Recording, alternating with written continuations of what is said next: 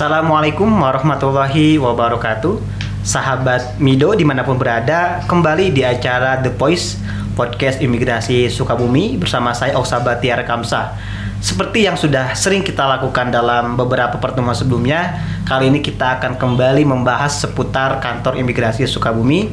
Sudah hadir bersama kita semua Bapak Trisna Gunawan selaku Kepala Sub Bagian TU Kantor Imigrasi Sukabumi. Selamat datang Pak di The Voice podcastnya Imigrasi Sukabumi. Selamat siang, Ya. selamat pagi Kang. Sehat Pak? Alhamdulillah sehat. Aduh pandemi ya masih belum selesai sahabat media semua jadi kita harus tetap menerapkan protokol eh, kesehatan dengan menjaga jarak. Nah, Pak sebelumnya kita sudah sangat banyak membahas tentang imigrasi Sukabumi. Yang awal paling awal itu kita membahas tentang paspor karena memang eh, image paling kental ya dari imigrasi itu pembuatan paspor. Tapi di pekan selanjutnya juga kita bahas tentang program unggulan yang ditawarkan oleh imigrasi Sukabumi. Nah sekarang kita akan membahas satu hal yang menurut saya penting tapi mungkin perlu dijelaskan kembali kepada masyarakat terkait dengan zona integritas WBK dan WBBE mungkin Pak untuk awalan nih mungkin bisa dijelaskan sekilas kepada masyarakat apa sih yang dimaksud dengan zona integritas WBK nah, dan WBBM itu Pak Baik Kang Opsa, terima kasih. Sebelumnya nih saya sudah diundang di eh, Sukabumi Update di sini Betul. datang langsung. Karena kan sebelumnya biasanya The Voice di kantor Di ya. kantor ya, Beberapa, kita spesial. beberapa kali dilaksanakan di sana. Betul. Kebetulan nih kebagian saya langsung datang. spesial sini. buat Pak Trisna ini. Baik Kang, Eh, ini tema kali ini membahas tentang pembangunan zona integritas betul menuju WBK WBBM. Mungkin eh, rekan-rekan atau sahabat Mido di sini ada yang belum pernah mendengar apa sih itu zona integritas ZI apa sih WBK WBBM gitu. betul Karena kan kalau datang ke kantor imigrasi mungkin ada ngelihat ada spanduknya atau banner di situ tulisannya disingkat-singkat WBK WBBM. Iya, iya. Bingung bertanya-tanya gitu. Jadi mungkin eh, secara singkatnya seperti ini bahwa eh, dalam rangka reformasi birokrasi di situ Kementerian Pendayagunaan Aparatur Negara melaksanakan rencana aksi dengan salah satunya melakukan pembangunan zona integritas di tingkat instansi. betul betul, betul. Nah, dalam membangun zona integritas itu maka ditunjuklah atau diberikanlah predikat yang namanya WBK dan WBBM. Predikat wilayah bebas dari korupsi dan wilayah birokrasi bersih dan melayani Oke, gitu. Jadi itu suatu predikat yang diberikan oleh Kemenpan RB terhadap unit kerja atau instansi yang melakukan pembangunan zona integritas. Nah, latar belakangnya kenapa ya kok harus eh, Nah. membangun atau mewujudkan WBK WBBM gitu kan? betul. Karena itu tadi bahwa dalam melakukan percepatan reformasi birokrasi yang sebelumnya mungkin penilaian-penilaian terhadap instansi pemerintah yang khususnya menyelenggarakan pelayanan publik ini kan dinilai masih rendah. Nah, ini Hmm. untuk meningkatkan itu betul betul eh, meningkatkan eh, kualitas pelayanan publiknya termasuk eh, indeks persepsi korupsinya itu kan Mhm. semakin menurun di, Betul, apa betul. diturunkan gitu dan melalui predikat inilah Mhm. kita dituntut bukan dituntut sih kita diharapkan Betul. bisa meningkatkan pelayanan Oke. melalui program ini Jadi sebetulnya semangatnya itu untuk memberikan apa namanya optimalisasi pelayanan ya Betul. untuk masyarakat semangat dari pembangunan zona integritas itu Betul, ya. ya. Jadi mungkin sahabat Mido kenapa masih ada yang bertanya-tanya apa sih manfaatnya untuk masyarakat itu tadi semakin lembaga tersebut eh, berkomitmen membangun zona integritas ya semakin baik insya Allah pelayanannya bagi masyarakat dan sahabat Mido semuanya. Nah Pak ini kan ada dua apa namanya ada dua hal ada WB, WBK dan WBBM mungkin bisa dijelaskan juga apakah sekarang nih kantor imigrasi Komi ini akan mencapai apa? Apakah WBK atau WBM atau bagaimana itu keduanya dicapai, Pak? Nah, alhamdulillah nih sebelumnya sobat Mido bahwa tahun 2020 kemarin kantor imigrasi kelas 2 Sukabumi telah memperoleh predikat WBK Hmm, gitu. hmm, hmm. Nah, 2020 sekarang kemarin. 2020. Sekarang tahun 2021 ini kita sedang mencoba apa? membangun, meningkatkan predikat dari WBK ke WBBM. Oke. gitu.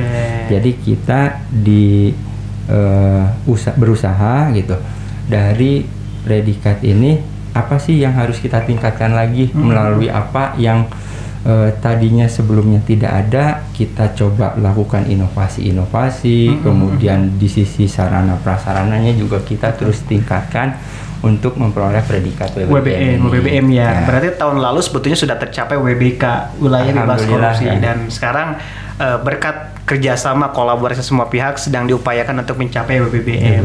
Nah, mungkin Pak dalam mencapai WBBM tentu kan ada beberapa indikator yang dinilai. Mungkin bisa dipaparkan apa saja sih yang sebetulnya dinilai dalam pencapaian itu, Pak? Jadi dalam eh, pembangunan zona integritas menuju WBK WBBM ini ada eh, faktor pengungkit dan faktor hasil yang dinilai gitu. Faktor pengungkitnya apa saja? Ada area perubahan di situ. Ada enam area perubahan, mulai dari manajemen perubahannya bagaimana, kemudian di penataan tata laksananya, di peningkatan sistem manajemen SDM-nya, kemudian di penguatan pengawasannya bagaimana, kemudian di akuntabilitas kinerjanya bagaimana, terakhir di bidang peningkatan kualitas pelayanan publiknya bagaimana. itu itu yang dinilai. Kemudian faktor hasilnya adalah eh, survei yang dilakukan bagaimana tingkat kepuasan masyarakat terhadap eh, suatu unit kerja apakah tingkat pelayanan publiknya baik sangat baik atau masih kurang? Kemudian tingkat persepsi korupsinya terhadap instansi tersebut apakah masih sangat rendah? Apakah sudah baik? Sudah sangat baik. Itu yang nanti dinilai oleh eh, tim penilai nasional. Nah saat ini nih bulan Oktober ini sudah merupakan tahap-tahap akhir. Jadi dari awal pembangunan mulai bulan Januari, Februari itu ada tahapan-tahapan yang terus kita upayakan melalui pemenuhan data dukung data dukung kegiatannya terlaksana tidak sesuai dengan program yang sudah direncanakan. Oke. Nah di bulan Oktober ini tahapannya adalah melakukan survei. Kita disurvei nih oleh, tim Oleh- penilai nasional dari kementerian langsung, dari ya? Kementerian Perdagangan Oke. Aparatur Negara. Mudah-mudahan nanti nilainya baik. Amin, amin. Dapat Mido yang mungkin pernah me- apa pernah Melakukan melakukan permohonan iya. paspor atau datang ke kantor mungkin nanti ada mendapatkan eh, link baik itu melalui WhatsApp maupun email atau SMS ataupun melalui barcode. Nah, monggo silakan diisi sesuai dengan Nah, itu.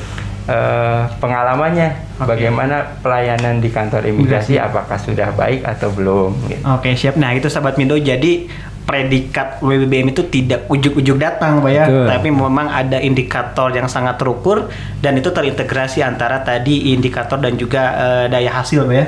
Hasil yang didapatkan oleh para konsumen mungkin masyarakat dalam hal ini. Nah, sahabat Mido masih di The Voice podcast Imigrasi Sukomi bersama saya Oksa Bayatiar Kamsa dan Bapak Krisna Gunawan. Kita masih membahas tentang eh, upaya dari kantor imigrasi Sukabumi untuk mencapai eh, WBBM di tahun 2021. Nah, Pak, tadi kan kita sudah tahu nih beberapa indikator yang dinilai. Nah, sekarang apa sih yang sedang diupayakan selain tadi eh, apa namanya tahapan sudah dilakukan dari awal tahun? Apa saja sih yang hal-hal yang disiapkan oleh kantor imigrasi Sukabumi untuk mencapai nanti predikat WBBM itu, Pak? Nah, betul tadi Kang. Kan dari enam area perubahan itu eh, ada indikator-indikatornya, mulai dari manajemen perubahan, bagaimana kita melakukan eh, deklarasi di awal, kemudian membuat program kerja, membentuk tim itu sendiri. Oke. Jadi ada timnya nih Kang. Dalam melakukan pembangunan zona integritas ini ada timnya dia bagaimana melakukan perubahan pola pikir dan budaya kerja, kemudian kita ada internalisasi. Nah, dalam bidang manajemen perubahan tersebut, kantor imigrasi Sukabumi melakukan beberapa hal. Yang pertama adalah kamisu mengaji. Jadi yang sebelumnya ini dengan tujuan utama melakukan perubahan pola pikir dan budaya kerja ke arah yang lebih baik. Oke, betul. Kita adakan kegiatan rutin setiap hari eh, Kamis. Di situ ada pengajian atau apa bukan pengajian ya, rohani istilahnya. Rohani ya, pembinaan rohani. Pembinaan rohani ya. Kemudian ada juga Kamisu Semat. Ini kita singkat-singkat nih Kamisu Boleh, nih. ini keren juga Ya. Kamisu. Apa tuh Kamisu lebih itu, familiar. Kamisu itu kantor imigrasi Oke, Sukabumi. Namanya unik ya, Kamisu. Oke, saya akan Jadi lanjut. program-program kegiatannya kita singkat dengan nama-nama yang lebih mudah dilafalkan juga ya. dilafalkan Iya, itu. iya, betul. Kemudian kami Smart itu kita melakukan suatu program setiap hari Jumat sharing informasi dari bagian eh, setiap bagian setiap seksi dengan eh, materi-materi dari masing-masing seksi ter- itu sendiri. Oke, Ini oke. sebagai salah satu bentuk internalisasi karena kan ada mungkin hal-hal baru, ada aturan-aturan baru, Oh. kebijakan-kebijakan baru. Kadang itu karena tidak terinternalisasi dengan baik ke lingkungan, kadang ada yang miskomunikasi di Betul, situ. betul, betul. Makanya ini ada program agar setiap hal itu diketahui oleh semua pegawai. Disosialisasikan, Disosialisasikan, termasuk dalam pembangunan zona integritas ini Oh, sendiri. oke, oke. Kemudian ada lagi kami surapi. Nah, ini kami surapi ini eh, jadi setiap hari Senin apel pagi itu dicek kerapihannya, dicek kedisiplinannya, mulai dari pakaian, pemasangan atribut, kelengkapan atribut. Nah, ini tujuannya apa? Untuk meningkatkan kedisiplinan tadi.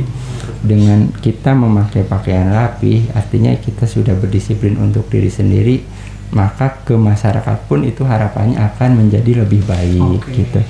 Kemudian di bidang eh, penataan tata laksana. Nah, ini kita ada namanya SOP Kamisu. Kita buatkan semua alur kerja termasuk pelayanan paspor, pelayanan izin tinggal untuk warga negara asing, kemudian terkait dengan pengawasan, penindakan karena kan imigrasi tidak hanya pelayanan Betul, aja, betul. ada pengawasan dan penindakannya juga.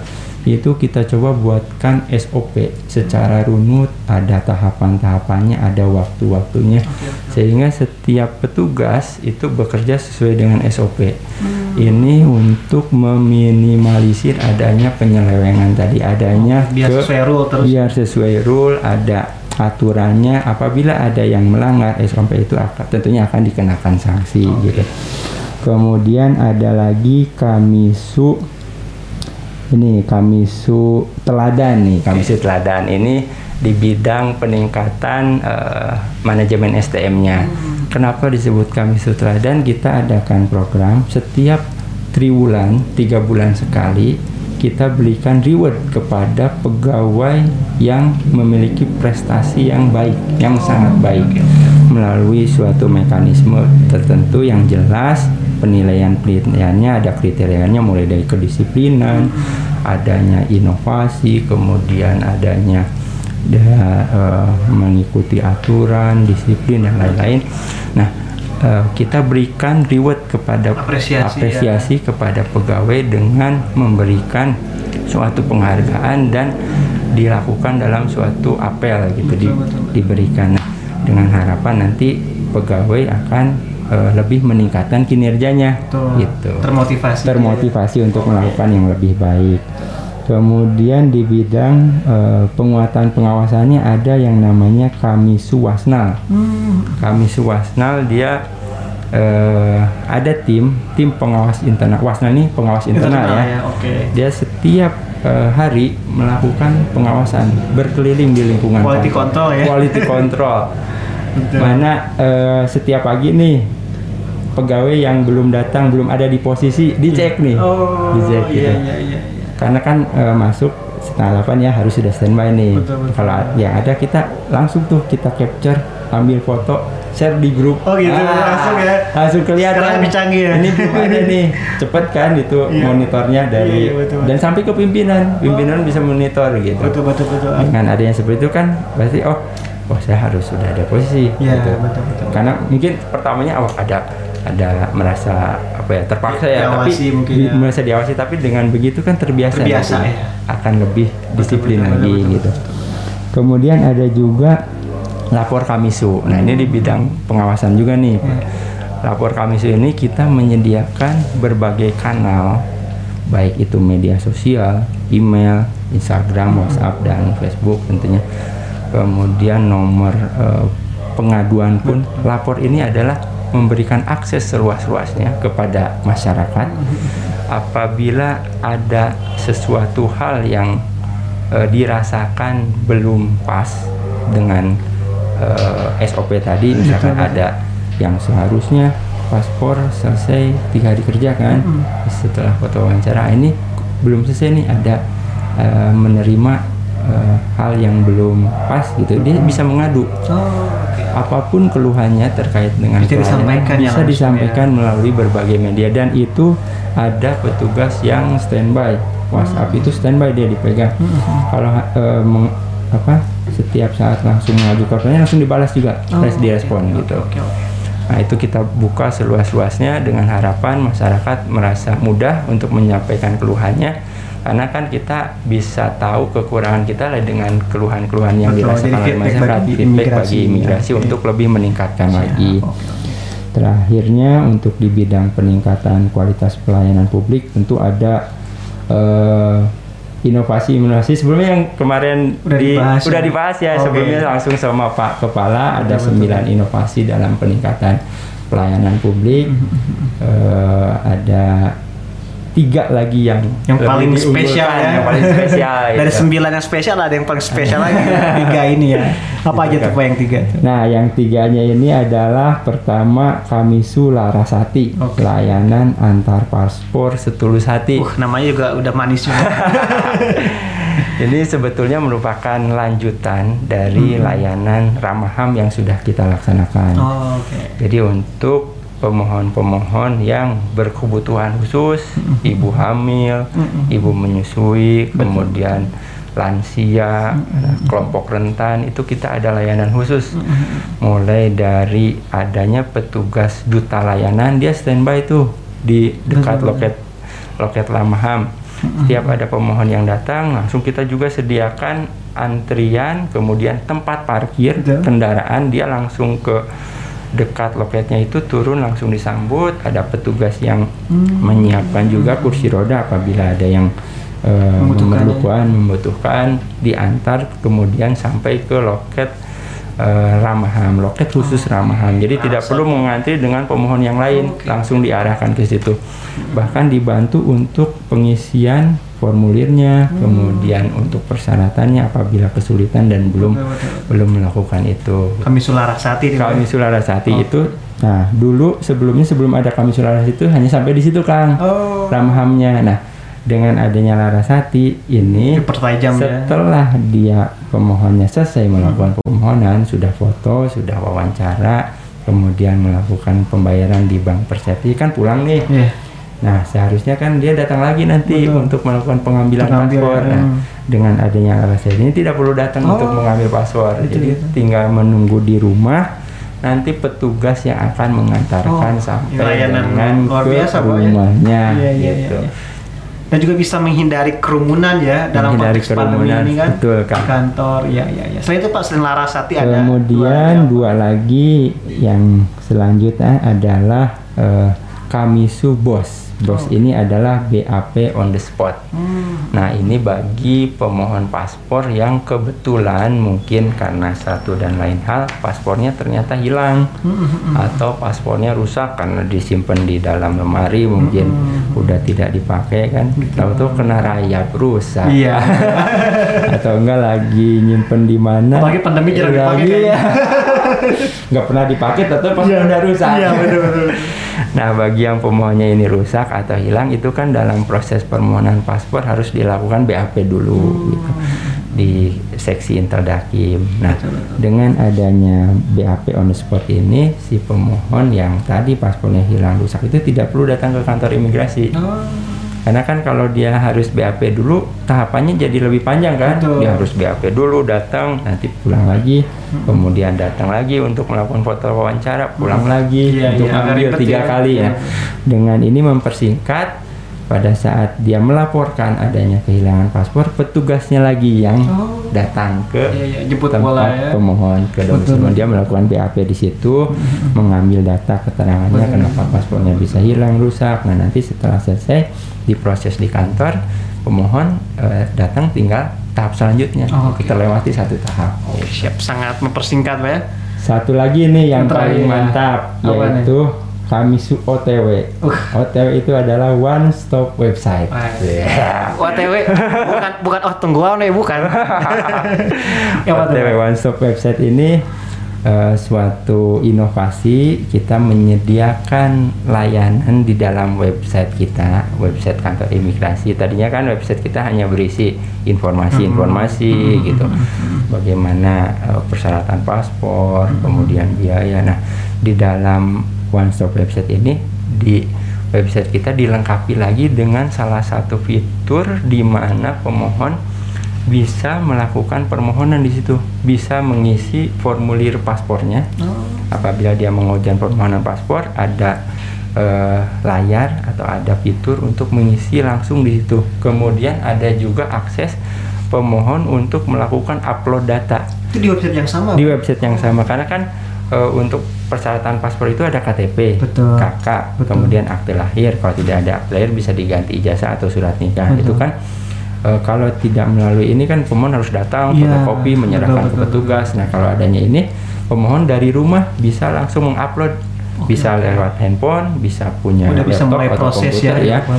diupload langsung datanya KTP kakak aktornya diupload melalui website ini hmm. kemudian formulirnya pun langsung diisi jadi nanti pada saat pemohon datang itu sudah tidak perlu lagi mengisi mengisi okay. formulir karena sudah tadi ya sudah oh. tidak perlu lagi membawa fotokopi KTP kakak akte lahirnya sudah selesai sudah selesai semua tinggal datang ke petugas menunjukkan Pak saya sudah daftar nih Pak melalui one stop website. Ditunjukkan petugas. Nanti ada barcode-nya di situ yang sudah selesai tahapannya punya barcode.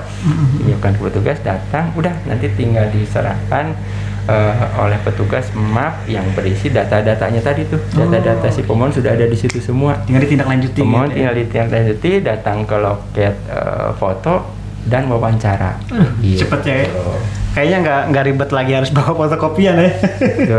ya itu sangat memudahkan. Menarik sekali sahabat Mido.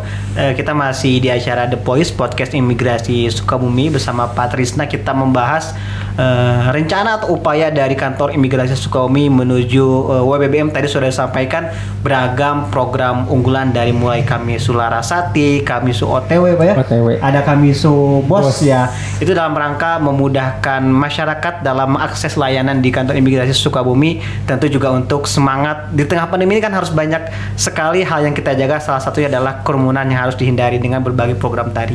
Nah Pak uh, setelah mungkin nanti kita harapkan kita doakan imigrasi Sukomi bisa mencapai uh, eh, WBBM apa rencana ke depan yang akan uh, dicapai oleh imigrasi Sukomi atau akan dilakukan gitu. Terima kasih nih kukunya Kak Oksa. Betul. Diharapkan so uh, sobat Mindo juga bisa mendukung ya. Wajib nih wajib mendukung ya. Ini buat Imigrasi Kopi wajib pokoknya. Semoga bisa meraih WBBM Amin, di tahun ini sehingga harapannya kan itu kembali ke masyarakat betul, dengan betul. predikat WBBK WBBM ini kualitas kita mungkin akan dirasakan lebih baik lagi. Betul, gitu. betul. Nah nanti apa kalau misalkan kita sudah meraih nih mm -mm. WBK sudah teraih WBBM yang tahun ini mudah-mudahan Insya Allah kita yakin teraih. nah ini ternyata tidak berhenti sobat Mindo semua semua tidak ah kita sudah meraih BBM sudahlah kita berhenti saja gitu tidak ternyata nah dengan kita mendapatkan predikat WBBM ini kita harus tetap mempertahankan nih predikatnya hmm. WBBM ini nanti akan dilakukan evaluasi oleh uh, tim mm-hmm. tim penilai nasional tentunya ya Betul. apakah kantor imigrasi ini masih uh, layak tidak mm-hmm. mendapatkan predikat WBBM ini mm-hmm. nah dalam melakukan apa dalam mempertahankan itu kita pun harus memenuhi tadi unsur-unsur data dukung tadi tetap harus kita oh, laksanakan. Kemudian kita pun tetap harus melakukan inovasi betul, karena betul, kan betul. ini untuk terus meningkatkan terus mempertahankan.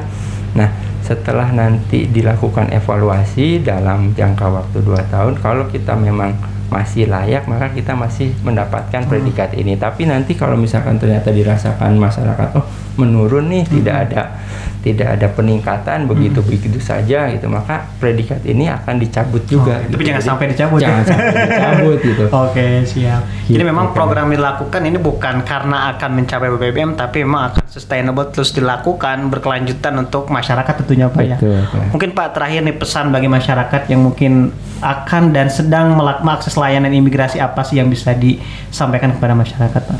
Nah, tentunya Sobat Mido yang uh, kebetulan ingin melakukan uh, permohonan baik itu permohonan paspor atau jasa keimigrasian lainnya uh, tadi silakan uh, melakukan atau mendapatkan layanan yang uh, seharusnya dilakukan. Kalau misalkan ada hal-hal yang kurang sesuai masih dikira oh, ini ada yang harus ditingkatkan lagi nih silakan menyampaikan uh, keluhannya gitu.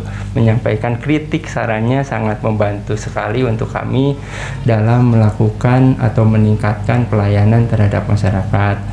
Kemudian nanti masyarakat mungkin yang uh, tadi ya di awal ya uh, ternyata mendapatkan uh, kesempatan untuk mengisi survei terhadap kepuasan di kantor imigrasi, mengga silakan uh, diisi itu bahwa karena uh, data se, data semua pemohon itu kita telah sampaikan ke tim penilai nasional.